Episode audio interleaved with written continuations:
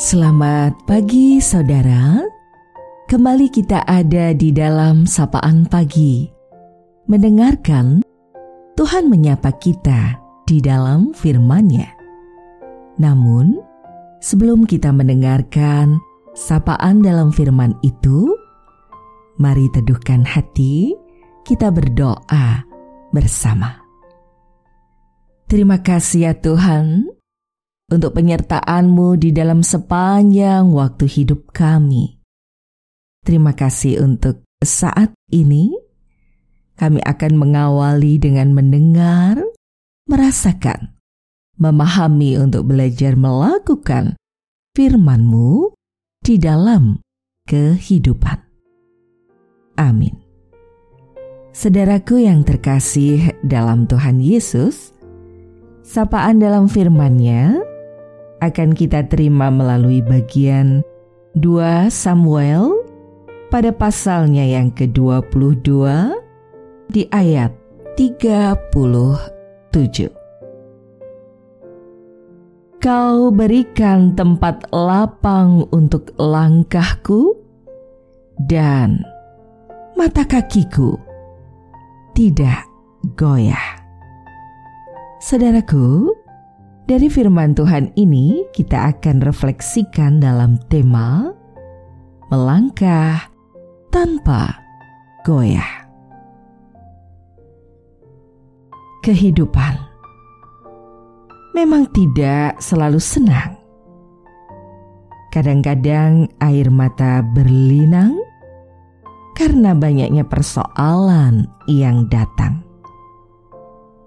Ingat, Jalan yang kita lalui tak selalu dihiasi dengan bunga warna-warni, tetapi ada juga kerikil tajam dan onak duri. Meski perjalanan penuh tantangan dan masalah, janganlah goyah dalam melangkah meski seribu satu tantangan yang dihadapi, tetaplah teguh melangkahkan kaki.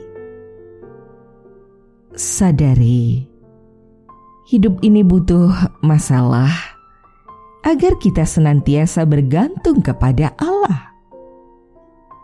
Kadang-kadang ada yang menaburkan duri di perjalanan agar kita berhati-hati.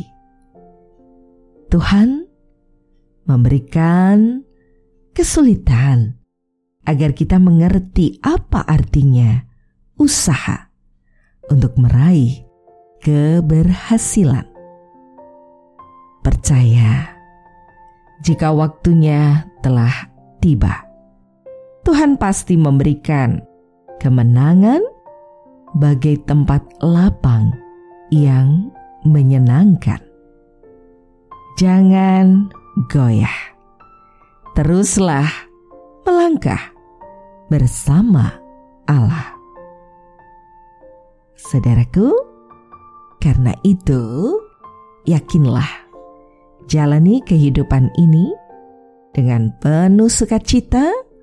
Apa pun yang terjadi, percayalah bahwa Dia sumber pertolongan, menyertai, dan ada bagi kita. Salam sehat, saudara, bahagia, dan teruslah belajar menjadi pribadi yang berguna. Ingat selalu taati protokol kesehatan dengan ketat agar semua tetap sehat. Tuhan terus ada dalam hidup merengkuh kita. Penyertaannya senantiasa.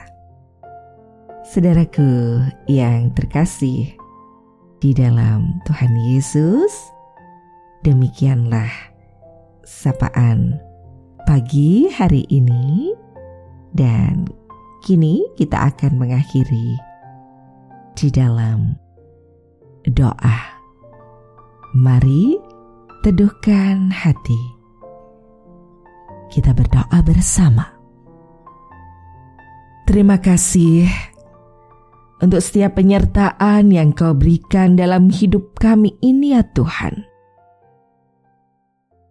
Kami berserah padamu, membawa seluruh kehidupan ini,